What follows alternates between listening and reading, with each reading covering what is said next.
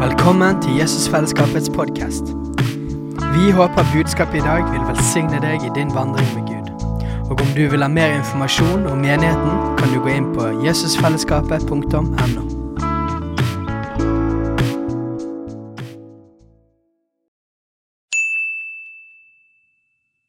Hei! Visste du at Jesusfellesskapet starter en ny bibelskole til høsten? Den heter Jesusskolen og starter den 3. september. Gå inn på jesusskolen.no for mer informasjon.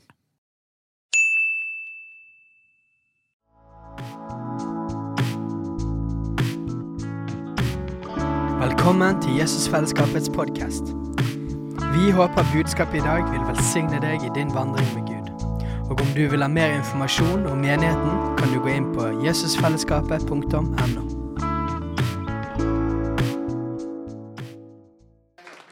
Hører fra Fredrik og Vegard, men ikke begge på en gang. Nei, det tror jeg vi lar være. Ja, ja, ja, ja. Mm -mm. Her omtrent? Ja. ikke det hyggelig, da? Hyggelig å se dere. Jeg, tenkte litt på det i dag. Da Erlend sa til kona mi når, når vi kom i dag at altså, Fredrik skal sikkert tale i dag, for han har så fin skjorte på seg. Så. Så, det er litt sånn, Du kan se det litt på meg om jeg skal tale eller om jeg bare liksom er til stede. Eller sånn. Det er litt sånn med nivået på skjorta å gjøre. Eh, Da begynte jeg å tenke litt på den skjorta her. Da. Den passer veldig bra i år, da, fordi jeg er 52 i år. Så, så jeg vet ikke neste år må jeg kjøpe en med 53. da, Nei, kanskje ikke. Så, eh, liksom sånn. Noen har liksom sånn sokker med navn på hver ukedag. Jeg må kanskje begynne å ha skjorter med liksom alderen på. Nei, nei kanskje ikke. Jeg, kjøpte, jeg, var yngre når jeg kjøpte den, så greit nok det. da. Så, så, ja, ja. Um, ta litt grann ting før jeg skal dele noe. Uh, I helga har vi hatt noe som heter DNA-viken. Det var en sånn lederhelg for folk som er husgruppeledere, barneledere og alle mulige sånne ting. Da har vi vært på Fjon fjellkirke, staben og sånne ting. Så det var veldig kjekt. Um, Det virker som om veldig mange av de kanskje syntes det var litt slitsomt, og det kan jeg skjønne. Jeg er jo en menighet med mye unger, så, så det var kanskje ikke alle som sov like mye om nettene. og sånn. Noen sov på rommet, noen som snorka forferdelig. ikke sant, Sverre? Ja, det var jeg som snorka. Altså bare sånn. Så, så det er sagt. Så derfor så, Det er én av de to grunnene til at vi ikke er så mange her i dag som vi pleier. Den, den andre er at det er vinterferie, så det er sikkert noen som er bortreist også. Så, men veldig hyggelig å se de som er her. da, Det er veldig bra. Um, noen som veldig pleier å være her, er Steinar og Katrine Lofnes. Uh, skal hilse så mye fra de. Katrine havna på sjukehuset på torsdag. Uh, med hva heter, sånn, hva heter de der bokstavene i forhold til betennelse? Veldig høy CRP, ja. Eh, Så de var redd for både blodforgiftning og hjernehinnebetennelse og alt mulig. De har funnet ut at det er det ikke, da, i hvert fall. Eh, Så, men de har ikke helt funnet ut hva det er heller. Men hun, er bedre, i hvert fall. Så jeg skal hilse så mye, men Steinar og ungene valgte å være hos henne i dag, og det, det skjønner vi jo. Vi har bedt en god del for henne i helga, og sånn, så må gjerne fortsette å be for henne. Hun, hun har det bra, hun er på sosiale medier, så det er et tegn på at Katrine begynner å få det bra. Hun er på sosiale medier igjen, da, så, så mm, det er ikke noe livsfare her, men det er jo greit at hun blir helt frisk, i hvert fall. Så skulle jeg hilse så mye fra, fra de, for de ville jo gjerne vært her, da. Så ja, skal jeg si, si noe mer, da? Jo, vi skal passe på å skru av lyden på den der, for den pleier å begynne å plinge på et eller annet vis vet du, når jeg skal gjøre et eller annet sånt.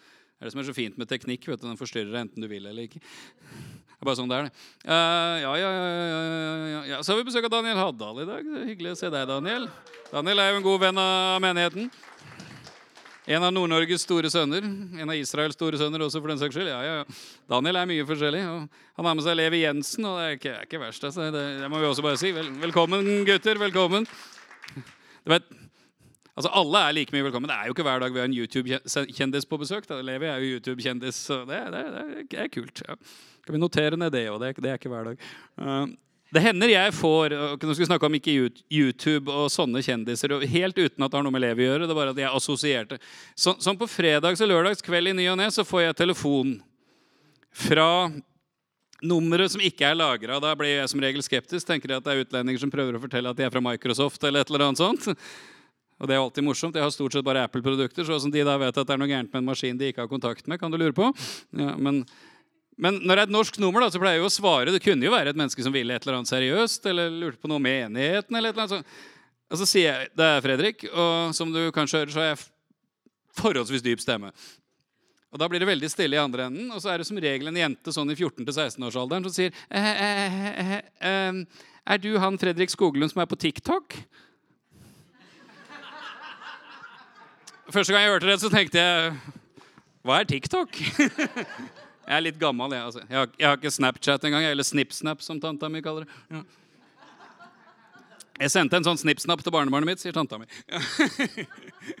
Men hun, hun, bruker det i hvert fall. Hun er 86. Jeg har ikke engang. Jeg. Eh, så jeg fant jo ut jeg måtte finne ut hvem dette her er. Jeg har altså da en navnebror som har sminkekurs for damer på TikTok og YouTube og sånne ting. Hvis du googler mitt navn, så får du opp et par-tre bilder av meg hvor jeg tolker en eller annen eller preker, og så får du opp x antall bilder av en som ja, Gud velsigne han, og han trenger Jesus. det er ikke tvil om, Men eh, litt annen stil enn meg, kan du si. Apropos sosiale medier. Altså, ja. eh, det kan du trygt si. Men ja. Signe han, altså. Ja, jamen. men det er litt morsomt, for du får alltid den eh, Og så må jeg da si du, det er flere som heter det her i landet, og han fyren har sikkert hemmelig nummer, for han er sånn som han dukker opp på premierefester og sånne ting også. Så liksom, så han, er jo, han, er, han, er jo, kjendis altså, etter hvert blitt. Det er ikke jeg, da. Vi, hvis jeg hadde fått meg en TikTok, ja, så, så, hadde mange misforståtte mennesker begynt å følge meg fordi de trodde jeg var han andre. Nei, jeg tror ikke vi gjør det sånn. Vi gjør ikke sånn, dere. Nei, nei. Men ok, det fins altså en annen som heter det. Ja, mm, halleluja. Så det. Apropos sosiale medier. Det kan brukes til veldig mye. Veldig mye bra og veldig mye dårlig. Uh, det er som med det meste. Det kan brukes godt, og det kan brukes dårlig. Levi for eksempel, bruker det veldig bra, syns jeg. Mens han er andre karen som holder på med de der greiene der. Det er, kanskje ikke, det er litt over i andre grøfta for meg, da. Altså, men ok, greit nok. Gud velsigne han òg. Uh, eh, som Dag Dag hører du nå hva jeg ba ned plutselig. Som Alf Kåre nevnte. Sorry. Så, så går vi inn i en eh, sånn fasteperiode og Det er ikke sånn fordi vi følger kirkeåret. sånn sett, liksom. Jeg vet det er fastelavnssøndag i dag og askeonsdag på onsdag. og sånne ting, så Eneste jeg forbinder med fastelavnssøndag, er boller med krem. Ja, Og det er jo godt, så greit nok, det. Uh, men uh, fra 1. mars, altså neste søndag, til 9. april så skal vi ha en sånn 40 dagers fasteperiode. Uh, har ikke sånn veldig krav eller forventning på at alle skal faste på vann i 40 dager. altså jeg må bare få lov å si det. Slapp helt av. Det er ingen sånn Ingen som kommer til å stå ved, ved døra sånn og si Ja, skal du det? Men en periode med ekstra fokus på både faste og, og bønn skal vi ha da. Um, og Derfor skal vi si litt i dag om det. Jeg først, og så Vegard. Og så skal Steinar si enda mer om det neste søndag. Uh, så har vi også lister det går an å sette seg opp på bak her. Det skal Vegard si litt om etterpå. Det jeg skal si noe om, det er hva Bibelen sier om faste. Så, så, det skal jeg si noe om. Ja, se der. Oi. Jeg skjønner alltid at det skjer noe bak meg når alle plutselig ser der istedenfor på meg. Så det, det, jeg tåler at ikke dere ser på meg. Det, bare dere hører på meg, så er det helt greit at dere ikke ser. Um, men da skal jeg begynne med noe som egentlig ikke handler om faste i det hele tatt. For de av dere som var på DNA-viken, så har dere hørt dette nå, men dette blir en veldig kort utgave. Uh, andre kongebok, kapittel fire. Jeg skal si noe om faste òg, altså, men andre kongebok, kapittel 4. Der. Historien om Elisha og enken etter en av profetdisiplene. Hun var redd for at hun kom til å miste både hus og hjem og sine to sønner for å få gjort opp gjelden etter sin mann. Og han spør henne hva hun hadde i huset. Hun sa hun hadde en krukke med olje. Nå har jeg oppsummert de første versene. Så skal vi lese fra vers 3. Da sa han, gå og lån kar fra hele nabolaget, fra alle naboene dine, tomme kar. Du må bare ikke samle for få. Når du har kommet inn, så skal du stenge døren etter deg og dine sønner. Så skal du helle den i alle disse karene og sette de fulle karene til side etter hvert. Så gikk hun fra ham og stengte døren etter seg og sine sønner de som hentet karene til henne. Og hun helte den opp. Da karen var fylt, skjedde det at hun sa til sin sønn, Gi meg enda et kar. Han svarte henne, det er ikke flere kar. Da stanset oljen å renne. Så kom hun og fortalte dette til denne gudsmannen. Han sa, gå og selg oljen og betal gjelden, så skal du og dine sønner leve av overfloden. Fantastisk historie om overnaturlig forsørgelse. Men det er ikke det jeg skal snakke om. Eh, jeg bare Når vi snakker om faste, så med en gang så tenker de fleste nordmenn på uff a meg, skal du plage meg nå med at jeg må, jeg må gi slipp på et eller annet? ikke sant? Skal du bestemme over meg? Jeg skal gi slipp på, ikke sant? Altså, vi nordmenn er jo så veldig opptatt av rettighetene våre. ikke sant? Mange som er klar over det. Nordmenn er noen av de menneskene i verden som er mest opptatt av rettighetene sine. og vi har rettigheter på ting som, mange, som de fleste mennesker i verden bare kan drømme om. ikke sant? Eh, Så skal du bestemme et eller annet. Men det jeg har kjent på i denne historien her, er noe så enkelt som når slutta oljen å flyte? Når slutta oljen å flyte? Når det var slutt på tomme kar. Ja, og vi er jo karismatikere. sant? Vi liker at olja flyter. eh? Vi lik- vi liker Den hellige ånd, vi liker Den hellige ånds salvelse, vi liker at det skjer ting. Men det er faktisk en forutsetning for at Den hellige ånds olje skal flyte, at det fins tomme kar. Også blant oss som mennesker, for å bruke det bildet. Og faste er rett og slett blant annet en måte å finne ut alt hva vi er fylt opp på. For let's face it, folkens, vi, vi i hvert fall de fleste av oss, inkludert meg, vi fyller oss med veldig mye forskjellig i løpet av en dag. altså. Mange som er klar over det. Mhm, ja. Og jeg tenker at hvis vi vil ha at olja skal flyte mer, så kan faste være en bra måte å bli litt tommere kar på, sånn at Gud kan fylle opp mer. Og Det synes jeg er et greit perspektiv å ha sånn i bakhuet når vi skal snakke om faste. Altså, Dette går ikke først og fremst på hva må jeg gi opp, dette går mer på hva kommer jeg til å få. Hva kan jeg få del i av mer fra Gud hvis jeg er villig til å gi opp noe? Det er liksom bakgrunnen min. da. Så, så at faste kan rett og slett gå på det å få tømt seg for en del ting. Sånn at det kan bli fylt opp på andre ting som er bedre å bli fylt opp med. Det er litt sånn perspektiv i bakgrunnen. da. All right, er en grei? Det er en god karismatisk greie. det. Få fram de tomme karene, så oljen kan flyte. Halleluja. Det, det.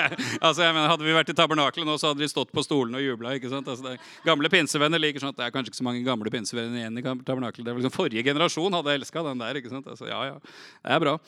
Jeg hadde mange gamle pinsevenner i familien. så hadde, Mamma hadde to onkler som var pinsepastorer. og sånt. Da var det mye sånn. Det var mye snakk om sånne ting. ja, ja. Nå er jeg helt ute på vidden her, men ok, skal vi se hva Bibelen sier om faste. Ja, halleluja, dere. Eh, da bør vi se på Jesus først, bør vi ikke det? da? Det er veldig greit å begynne med Jesus. Det er aldri feil å begynne med Jesus. Ok, Lukas kapittel 3. Du er våken? Ja, flott. Hvis du hadde greid å sovne til nå, så ville jeg blitt sjokkert. altså. Ja. Lukas kapittel 3, vers 21 og 22 først. Da alt folket ble døpt, skjedde det at også Jesus ble døpt. Og mens han ba, ble himmelen åpnet. Og Den hellige ånd kom ned over ham i legemlig skikkelse som en due, og det lød en stemme fra himmelen som sa, Du er min sønn, den elskede, i deg har jeg velbehag. Herlig. Jesus får høre altså fra sin himmelske pappa, Du er min sønn, jeg elsker deg. Jeg har behag i deg. Altså, du gir meg glede. Jeg er fornøyd med deg. Der har du Jesus sin identitet. Og dette er noe Gud Faderen taler over Jesus før Jesus gjør noe som helst i tjeneste. Så hvis vi skal ha ting på plass sånn, så er det identitet først, tjeneste etterpå. Ok, så Det er punkt nummer én. Så går vi da videre til kapittel 4 og vers 1 og 2. Jesus vendte fylt av Den hellige ånd tilbake fra Jordan og ble ledet ut i ødemarken av ånden. Der ble han fristet av djevelen i 40 dager. I de dagene spiste han ingenting, og etterpå, da de dagene var over, ble han sulten. Det er en sånn liten detalj som jeg synes er fint. Jeg blir sulten før det går 40 dager igjen jeg ikke spiser noen ting. Altså jeg må bare få si det. det står liksom, Etter 40 dager ble han sulten. Ja. Jeg blir sulten før, men altså greit nok. Jesus er Jesus, vet du. Det er fint. Og, men det er interessant, da. Den hellige ånd kommer over han, altså, ikke sant? Der, du, du, har den virkelig karismatiske fulle pakka her i kapittel 3. Ikke sant? Døpt i vann, Den ånd kommer over, Guds kjærlighet, halleluja, amen. Og så blir han leda, ikke av djevelen ute i ørkenen, men av ånden ute i ørkenen. For å fristes av djevelen i 40 dager, og i den tida spiste han ikke. altså. Så når de 40 dagene er over, så får du hele den der greia med djevelen, og Jesus seirer over djevelen og alt sammen. Men det er jo også en fasteperiode på 40 dager, dette her, da. Med en gang vi snakker om Jesus i ørkenen, så tenker jeg ja, det var der han ble frista av djevelen. ikke sant? Det stemmer jo det, da. Men det er også en 40 dagers fasteperiode. Så spørs, da. Kan vi tenke sånn ut fra det vi ser, er at faste er et middel til å seire over fristelser over djevelen i eget liv? Jeg tror det. Hvis det var sånn for Jesus, så kan det vel være at det er sånn for oss også. Men ikke bare det. Etter denne fasteperioden og denne seieren over djevelen, så hvis vi da går til kapittel 4 og vers 14 så står det da i åndens kraft vendte Jesus tilbake til Galilea, og ryktet om ham nådde utover hele landet her omkring. Han underviste i synagogene deres og ble æret av alle. Ok. Stikkordet her i åndens kraft. Ikke sant? Det er altså noe mer enn ha fått Den hellige ånd over seg og hørt Faderens røst og blitt drevet av ånden ut i ødemarken. I åndens kraft vendte Jesus tilbake fra dette her. Det skjer altså en forløsning av Guds kraft i Jesus sitt liv gjennom de 40 dagene i ørkenen. Som ikke var der før det. Hvis vi skal bruke det karismatiske bildet igjen, altså Jesus-modellen. Døpt i vann, døpt i ånd, identitet i Guds kjærlighet. Faste og bønn, seier over fristelse og levelsen. Så forløsning av Guds kraft, og så blir det tjeneste. Mm -hmm. Mm -hmm. Ja. Ja. Tegn under mennesker som begynner å følge han, mennesker som blir gjort til disipler. Og til syvende og sist en bevegelse som snur hele verden på huet. Men forskjellen mellom begynnelsen av kapittel 4 og, og, og, midten av kapittel 4 er altså det der i åndens kraft. Og hva ligger imellom de der å bli drevet ut i ødemarken, faste i 40 dager, seire over djevelen, kommer åndens kraft. Hoha. Og Da blir jo det logiske spørsmålet for meg ut fra denne, dette lille bibelstudiet altså Hvis dette skjedde med Jesus gjennom den prosessen der, så er det jo spennende å se hva som kan skje med oss gjennom en sånn prosess. da. Er det ikke det, da? Uh, hvis denne 40 dagers bønne- og fasteperioden kan føre til altså, gjennombrudd og seier over fristelser og djevelen i eget liv, og så gjennombrudd på altså, åndens kraft Tegn, under og mennesker frelst og disippelgjort og det høres bra ut for meg, da. Høres det bra ut for deg òg? Ja. Ikke vær redd for å nikke nå, for da tror jeg at du må skrive deg opp på en eller annen liste bak der. Altså, det, det, altså, um, for å sitere vår, vår uh, venn Lou Engel Jeg kjenner ham ikke personlig, men han er absolutt en inspirasjon. Uh, vi så vi, litt videoklipp av han her forrige gang. Før den originale Jesusvekkelsen Hvor mange vil ha Jesusvekkelse? Ja, det, det, vi liker det. Så er man redd da, for å rekke opp hånda, for jeg vet at det kommer en catch etterpå. Før den originale Jesusvekkelsen kom den originale Jesus fasten. Altså, ikke sant? Det vil altså si, Hvis vi vil ha Jesus vekkelse sånn som det var når Jesus vandra på jorda, her, så kan det være at det er en Jesus faste først. da. Ikke at vi skal faste fra Jesus, da, men faste som Jesus. vi må, liksom, må, bare ha den på plass. da. Vil vi ha mer av den kraften Jesus levde i, så må vi kanskje gjøre det Jesus gjorde, for å få del i den samme kraften og utgytelsen av den. Sant? Og det er liksom en sånn sammenheng her da, mellom bønn og faste som er litt interessante. Hvis vi går til Matteus kapittel 6 Det er jo der vi har holdt oss. Vi holder, vi holder på med Fader vår da, for tida. Nå har vi en pause på et par, par uker for å snakke om denne bønne- og fasteperioden. Så skal, full, så skal vi fortsette å gå gjennom Fader vår. Uh, Steinar har jo fått åpenbaring på at Fader vår er ikke bare en bønn å ramse opp, men det er altså en guide til et personlig bønneliv, og det, det, det liker vi. Uh, det er bra med personlig bønneliv. Ja, ja, bare, bare sjekke. Ja. Jo. Uh, bare se om dere er her. vet du, Det er fint, det. Uh, Matteus 6, vers 5 og 6 først. Når du ber, skal du ikke være som hyklerne. For de elsker å be når de står i synagogene og på gatehjørnene for å vise seg for menneskene. Sannelig sier jeg dere, de har alt fått sin lønn. Men når du ber, gå inn i ditt bønnerom, og når du har lukket døren, skal du be til din far som er i det skjulte. Din far som ser i det skjulte, skal belønne deg åpenlyst. Der er det bønn. Bønn er ikke for å vise hvor åndelig du er. Det er ikke noen konkurranse i åndelighet. Jeg lurer på åssen det var i Israel. Ja. liksom, Sto det mennesker og ropte og ba på gatehjørnene liksom, for å vise hvor åndelige de var? Det er det han sier her. altså. Sett for deg det, du tar en tur ned på Torgallmenningen. Liksom, sånn på hvert gatehjørne så står det en liksom bare for, for, å vise hvor åndelig de er. At jeg bare prøver å se det for meg. Altså, jeg, nei, altså. det er vanskelig for å se det for meg i dagens Norge, men det, men det må ha vært sånn. Altså At mennesker reiste seg opp i synagogene altså forsamlingshuset, og ba heftige bønner. Ikke for å be til Gud, men for å vise hvor åndelige de var. liksom. For andre. altså Se hvor flink jeg er til å be. liksom. Ja, ja.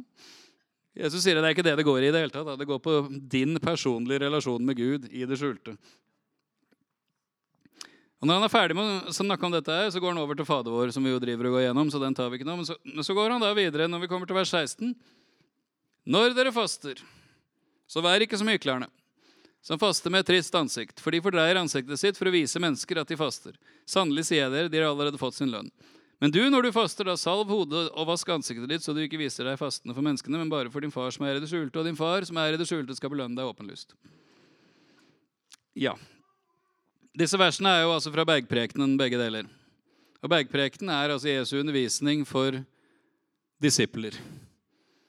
Så det er vel undervisning til oss òg, hvis vi ønsker å være disipler. Ja. Jeg og Legg merke til et lite ord som står i begynnelsen av begge de stedene jeg leste her. Når. Det står ikke 'hvis dere ber'. Eller 'hvis dere faster'. Det står 'når'.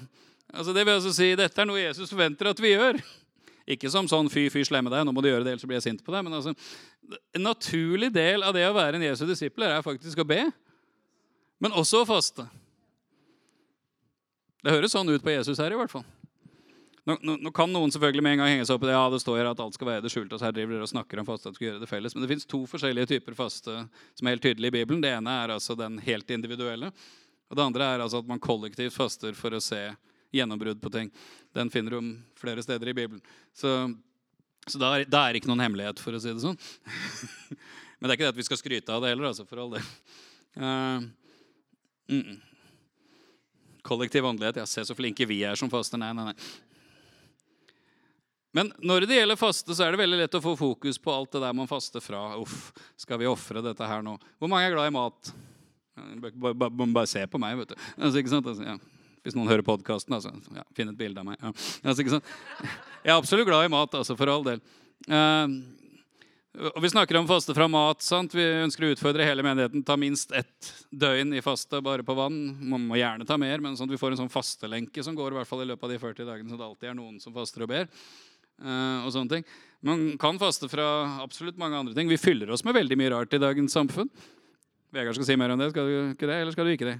Jo, Steinar skal si litt om det òg. Altså, bare tenk på altså, hvor mange, ting, mange, forskjellige ting fyller du sinnet ditt med i løpet av en dag.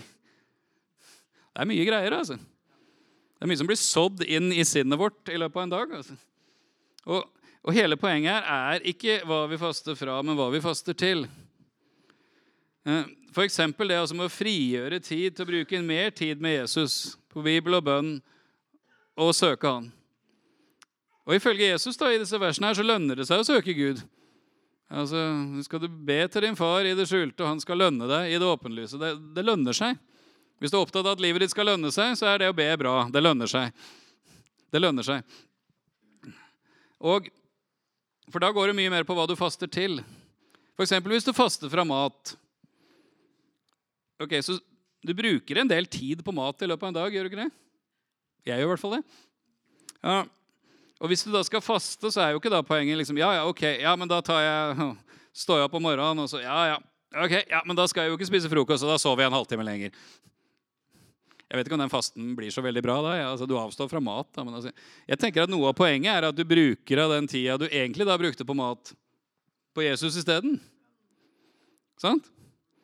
Det, det syns jeg er et poeng. Altså, hvis du faster fra forskjellige andre ting da, Noen syns det er rart, men mange av oss kan trenge å faste f.eks. fra sosiale medier. Altså eller spill på mobilen eller, eller, PlayStation eller et eller annet sånt. altså Alt ettersom hvem det er. Eh, altså sånne ting. Så er jo poenget at du faster fra det for å bruke den tida på Jesus. Og det vil gi resultater. da. Og faste det går igjen i Bibelen. I Det gamle testamentet så ser du faste spesielt i forhold til et par forskjellige ting. Sånne kollektive fastegreier. Det ene er når fienden angriper. Du har sånne historier om Israel er omringa. Altså Jerusalem er beleira, eller sånne ting, hvor kongen utlyser altså faste. ikke sant? Alle skal søke Gud. Og så kommer Gud på drastiske måter og gir, gir seier over fienden. ikke sant? Mange ønsker seier over fienden. Og, ja, jo, ah, mm. Eller altså når man står overfor en vanskelig situasjon. Ester, Esters bok. ikke sant? Hun måtte komme framfor kongen uten at kongen hadde bedt henne. Det kunne ta livet av henne. Og hun skulle jo ikke bare spørre om de skulle gå på kino, hun skulle spørre om ikke kunne spare, han kunne spare et helt folk. ikke sant? Altså, fikk hun alle til å faste. La det lyses ut en faste for meg og for det jeg skal gjøre nå. ikke sant? Altså, Viktige punkter, viktige avgjørelser, vanskelige ting. Eller at det går på enkeltmennesker. Det går på å se et løfte fra Gud som man vil se oppfylt Profeten Daniel, for eksempel. Han leser om at nå har vi snart kommet til slutten av de 70 årene som var profetert om at vi skal være fanga i Babylon. Israelittene var i Babylon. Og da, da, da, satte ikke Daniel i gang et sånn praise party. Altså liksom, Woho, nå er det snart over, nå skal vi hjem. Altså Da søkte jeg Gud i bønn og faste. Og han roper til Gud om at Gud, nå skal, la det du har talt om, nå må skje. Altså, ikke sant? Altså, det, det går på å altså, ta et løfte fra Gud og søke Gud i bønn og faste for å se det oppfylt. Så det er litt sånne eksempler fra Bibelen på dette her. Og så har du Jesus, som jeg har nevnt, og du har Paulus òg, da. Ikke sant? Paulus er jo en av de som får et av de mest radikale møtene med Jesus ever. Jeg vet ikke hvor mange ganger du har blitt slått av hesten ja, når, du, når, du, er på vei for å forfølge kristne. Jeg håper ikke det er så mange av dere som har gjort det. Men, altså. men det er et rimelig radikalt møte med Jesus. da, er det ikke det? Jeg vil påstå det. Det er veldig radikalt. Og så står det at på tre dager verken åt eller drakk han. sånn. Og I løpet av den perioden så taler Gud da til en disippel som heter Ananias, som bor der i Damaskus. Og han sier, 'Nå skal du gå.' Og så gir mannen adressen til hvor Saulus var. Og han, Da skal du gå, så skal du legge hendene på han, så skal han få syn igjen. For se, han ber. Han ikke bare ba, han fasta òg. Han var ikke verken åt eller drakk. Han søkte Gud. Han ba. Bønn og faste. Så ok, vi finner det i Det gamle testamentet, vi finner det hos Jesus, vi finner det hos Paulus. What more do you need? Ja. Og Hvis du ser videre om Paulus, så kan vi ta det siste versen jeg skal ta før vi slipper løs Vegard her. er Apostelens gjerninger 13.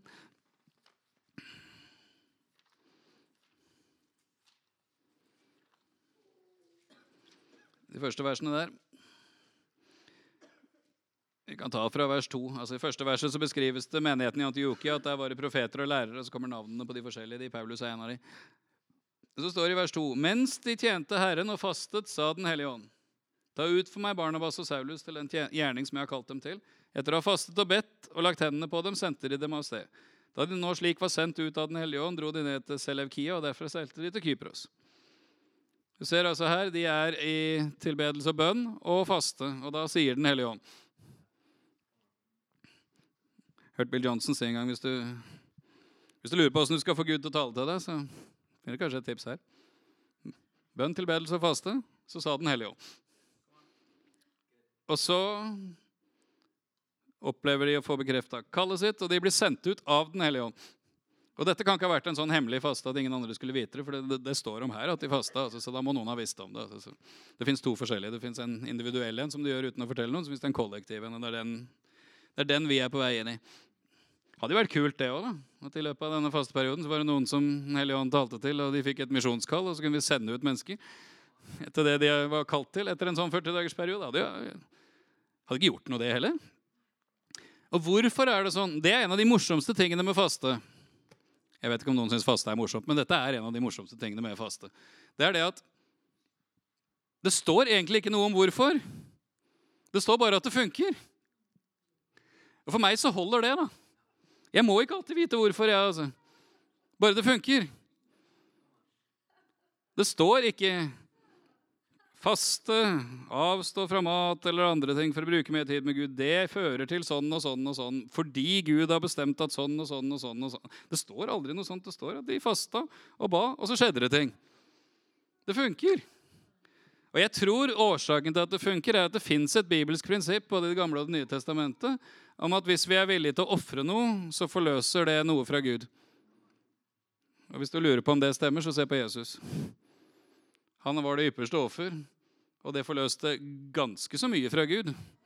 Men det funker sånn i våre liv òg. Den som gir, den får. Hvis du er villig til å gi opp, altså gi avkall på ting, og bruke det til å søke Gud, så vil du få mer. Det er dette det går på her. Det går ikke på å prøve å overtale Gud, det går ikke på å prøve å vise hvor flink du er. Det går rett og slett på at Vet du hva? Jeg vil ha mer. Jeg vil ha mer av Jesus i mitt liv. Jeg vil ha mer av Den hellige ånd. Jeg vil at vi som fellesskap skal oppleve mer av det Gud har kalt oss til. At Gud skal forløse mer av sin kraft. Og vi vil se mennesker frelst, mennesker helbreda, reist opp, satt fri. Menigheter, planta misjonærer, sendt ut. Hvis vi ønsker alt det der Ønsker vi alt det der? Ja. Da kan det være at i ny og ne må vi gi avkall på noe for å få se noe mer.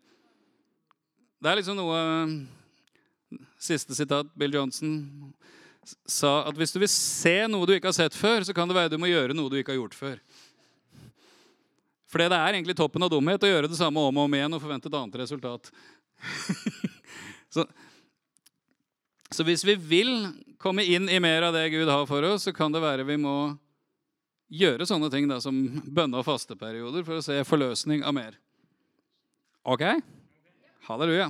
Here's Vegard.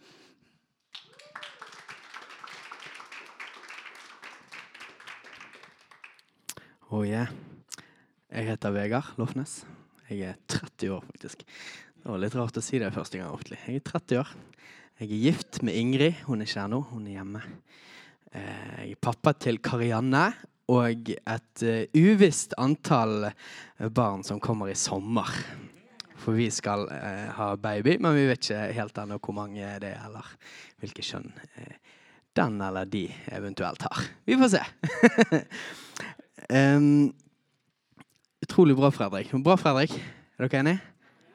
Utrolig bra. Jeg, eh, jeg kommer ikke til å gå like mye inn i Bibelen, og, men det er fordi at Fredrik allerede har gjort det. Sånn altså Dette er Bibels fundamentert. Det, det, liksom, det ligger i bunnen for alt dette.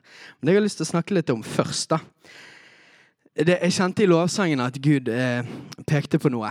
Eh, og Fredrik touchet så vidt inni det, men det handler om eh, faste tilknytning til avhengig av synd. Avhengighet og synd. Eh, Fredrik toucher borti dette at Jesus ble fristet i ørkenen. Og han eh, fikk autoritet og gjennombrudd. Han, han eh, seiret over djevelen i fristelsen. Skjønner dere greiene der? Men eh, hvis vi drar ned synd til eh, på en måte de, de mest grunnleggende byggesteinene, og hva synd er, hva er det? Jo, det er at vi har et behov eh, som vi tar og fyller med feil kilde. Skjønner dere hva jeg mener? Eh, Det er sikkert mange menn som tenker umiddelbart på eh, porno og seksuell synd, men synd er så mye, mye mer enn det. Hvis vi baktaler som en synd, hva, hva er vårt behov? Jo, at mennesker skal se bra på oss. At vi kan få, eh, få, få oss sjøl fremhevet og, eh, og med å trykke ned noen andre, f.eks. Hva er det? Jo, det er et behov. sant? Det er behov. Hva er seksuell synd? Jo, det er et behov for nærhet og intimitet. Hva er overspising? Det kan være synd. Det er et, behov for komfort. Alle de tingene så kommer det, det kommer liksom ned til at vi fyller et behov med feil kilde. Vi fyller et behov med å ta en snarvei eller en dårligere vei som kan føles lettere. Men jeg, jeg, jeg syns det er spennende dette med at, at Jesus ble fristet og fastet.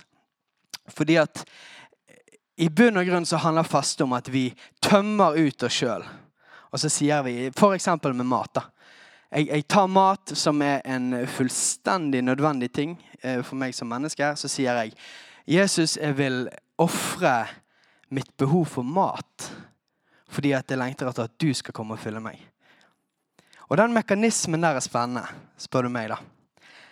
Fordi at når vi eh, symbol, det, det, symbolske overfor Gud altså, Jeg kommer til å si det igjen, sikkert, men at faste eh, det er ikke selvpining. For selvpining har ingen valuta i vår nytestamentlige kristne. For Jesus tok hele pinen. Han tok hele straffen. Alt som trengte å bli gjort for at vi skulle ha full og hel adgang til Faderen, har han allerede gjort. Så faste handler ikke om å være god nok.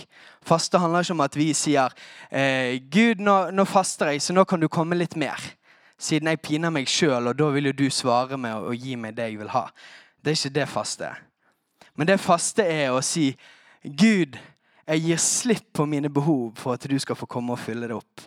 At du kan ta enda mer av mitt liv og fylle opp de tingene på innsiden. Og dra meg tettere inn i relasjon med han, tettere inn i intimitet.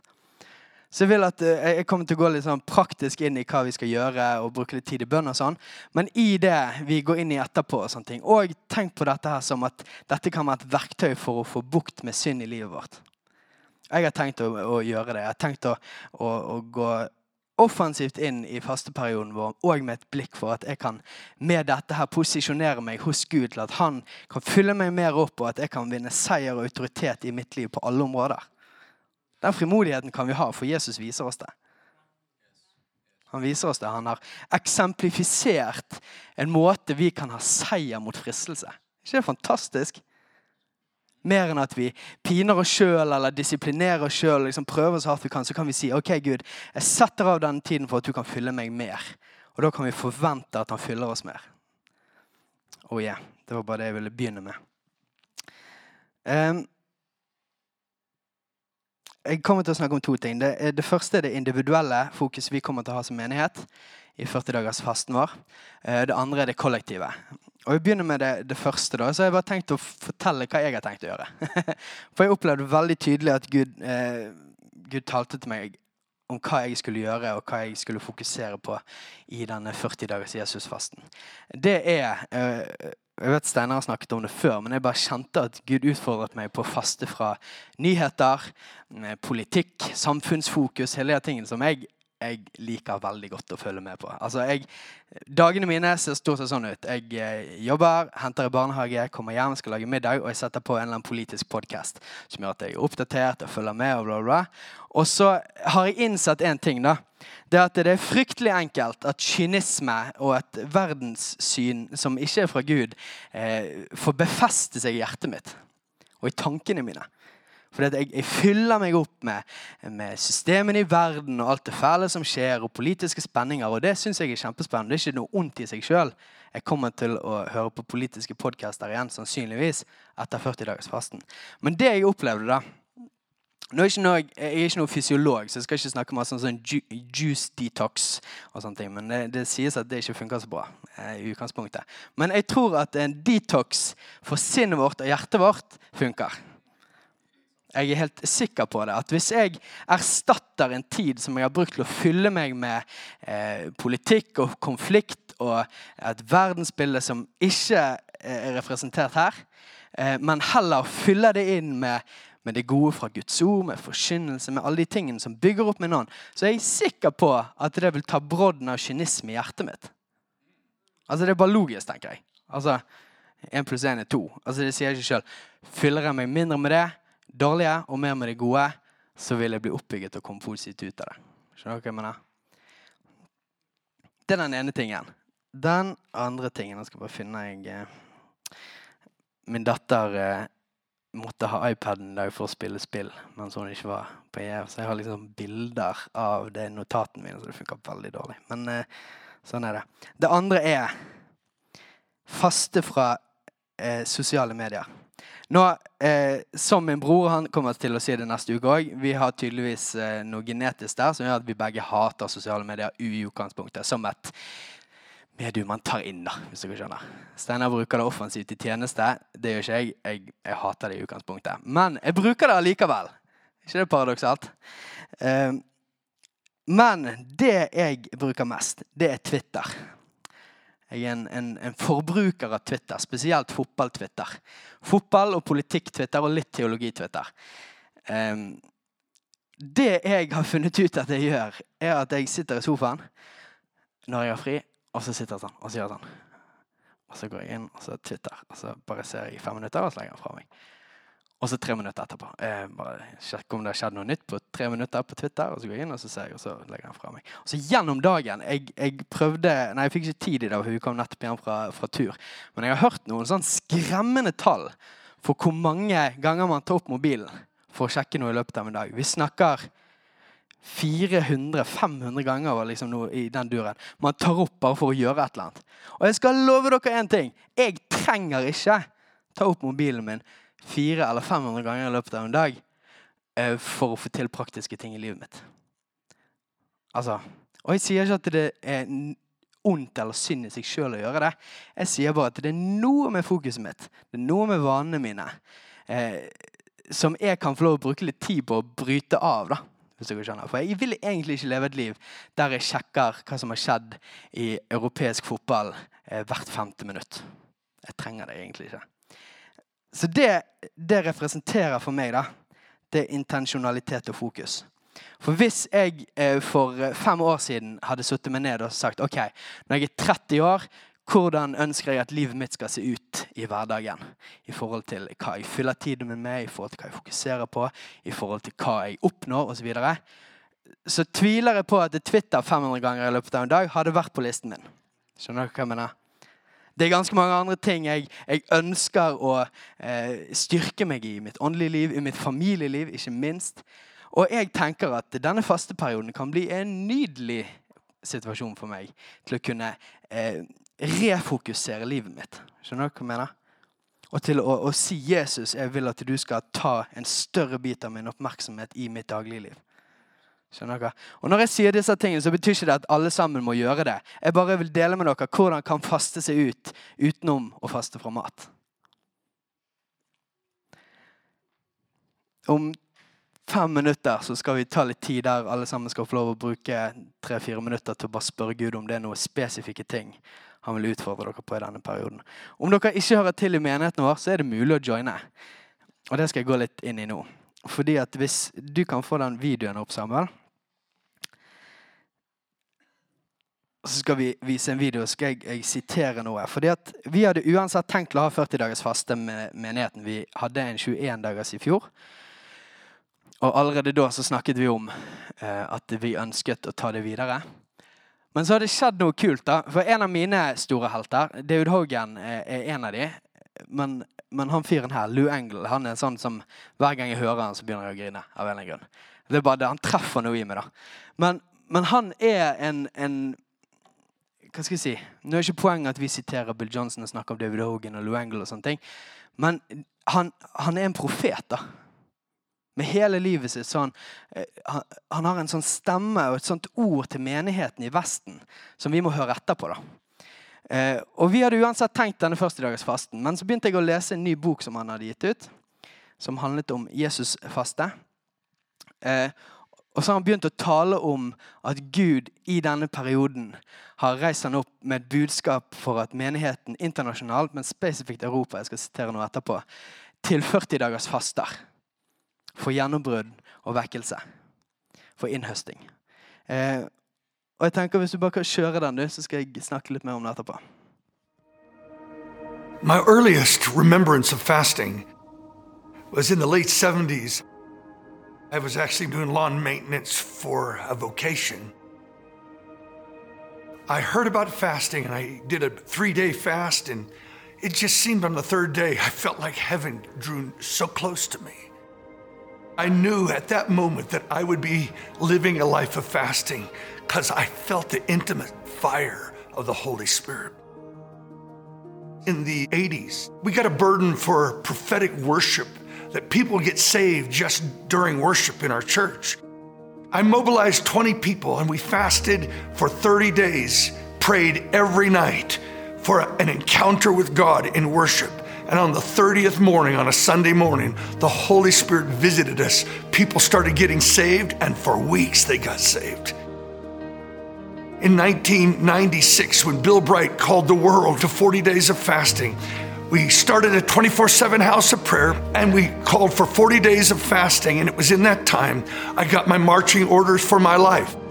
Three dreams came to me. One, a scroll rolled down before me and it said, In yet 40 days I'll send the rain.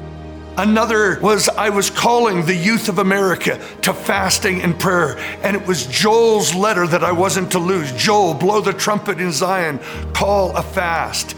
And then I heard an audible voice during that fast stretch forth a awakening rod over the earth. Will you do that? Out of that encounter in 1996, and even before that, we began to see that when we did extended fasting, we would see almost immediate breakthroughs. In fact, I begin to think, why don't we fast all the time? Because people would get saved, there would be freedom and deliverance take place, movements would occur. So in 1999, a man spoke to me about calling the globe to 40 days of fasting for the first 40 days into the new millennium for the harvest. It was at that time the Spirit of the Lord began to confirm that that was my calling. We called global fasting. We don't know how far and wide it went, but for 20 years we have been fasting and praying, and God spoke to me. Before there was ever an original Jesus movement, there was an original Jesus fast. Jesus fast preceded the great breakthrough of the first apostolic era. Now, 20 years from the call, we are in a new time, a new season, and we hear the sound around the globe of fasting and praying 40 days, like Jesus, for a new breakout of worldwide manifestation of Jesus the evangelist. when Jesus said, The Spirit of the Lord is upon me because the Lord has anointed me to preach the gospel, to free the captives, that actually took place right after a 40 day fast. We believe the globe is ripe for a new Jesus fast and a new Jesus movement.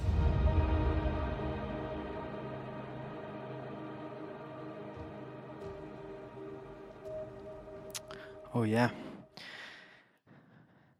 Blir dere grepet når han eh, forteller? Jeg ble det i hvert fall. Jeg ble veldig giret. Jeg kommer ikke til å lese hele sitatet nå, men jeg anbefaler at det, det fins en bok på, på Kindle for de som har smarttelefoner. Så er det som heter Kan vi vise coveret, så kan vi se det. Kort bok. The Fast. Rediscovering Jesus' Pathway to Power der han eh, begynner boken rett og slett med å, å fortelle en, en sånn profetisk historie om Han ble eh, stoppet Nei, han stoppet en dame på en kafé. Han, han satt og fastet. Han drakk kaffe, da. Så det går an å faste og drikke kaffe, tydeligvis. Brunt vann, kalte han det. Så da Men eh, så eh, så han uh, Gud talte til han om faste. Og denne 40 dagers fasten. Og så så han en dame som gikk med en bok som handlet om faste. Og så bare løftet han bort. Bare, hva, hva, er det for noe? Og så bare Jo, det, det er en bok om, om, faste og kraften i faste. Um, og så spurte han kan du be for meg. Og så, og så forløste hun et sånt ord over han om, om 40 dagers faster over hele Europa for en innhøsting. Uh, for gjennombrudd og innhøsting.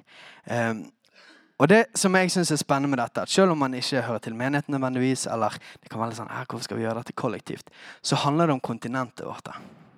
Det handler om kontinentet vårt. Det handler om at vekkelse kan bryte ut i fullskala på kontinentet vårt. At mennesker skal få møte Jesus. Og vi kan bli med på dette opplegget. da. Så du går inn på siden og ser dette. Jeg vet at det er dårlig pedagogikk. Men her er folk, de røde prikkene, i Europa. Med folk som har skrevet seg opp at yes, vi skal være med på denne 40-dagersfasten. Og eh, det er veldig spennende, syns jeg. fordi at En ting er den personlige tingen som jeg har snakket om. sant? Gjennombrudd i hvert liv, fokus, eh, relasjon med Jesus. alle de tingene. Den andre er den kollektive kraften i at vi går for dette sammen. Det er kjempespennende, syns jeg. Så det vi kommer til å gjøre Vi har en liste der bak. Og som vi har sagt noen ganger, vi anbefaler og håper at alle vil prøve å være med på minst én dag i løpet av disse 40 dagene på faste fra mat. Eh, og så kan man skrive seg opp, og så lager vi en fastelenke eh, som kommer til å vare alle disse 40 dagene. All right? Det jeg tenkte vi skulle gjøre nå eh, Vi har noen minutter igjen. Det er at jeg vil at alle skal sette seg godt til rette i stolene sine. I den grad det er mulig på disse grønne plaststolene. Og så hvis dere har en telefon, kan dere ta den opp. Og så skal vi bruke tre minutter Tre-fire minutter på å spørre Jesus konkret. Er det noe du vil jeg skal faste fra denne tiden? Er dere med på det? Skal sammen sette på litt musikk. Og så bruker vi litt tid på å gi Den hellige ånd rom til å tale det er ikke sånn at eh, hvis du tilhører Jesusfellesskapet, at du er nødt til å være med på dette. Og det er viktig for meg å si. Det er ingen tvang. Du er en elsket medlem av JF, om du er med eller ikke. Men vi tror at det finnes et voldsomt potensial i den tiden vi skal inn i nå, til å komme videre i vårt personlige liv og som miljø. Så vi har lyst til at så mange mulig skal være med på det. Er dere med? Hei, alle sammen. Det er Katrine og Steinar Lofnes her. Vi er hovedledere for Jesusfellesskapet. Så kjekt du har lyttet til denne podkasten. Har du forresten hørt noen av de andre podkastene våre? Ukens tale, Disippelskolen, Hyrdepodden, Kulturkrigen og Mammas hjerte. Du finner disse podkastene på Spotify, Apple Podkaster og på nettsiden vår jesusfellesskapet.no. you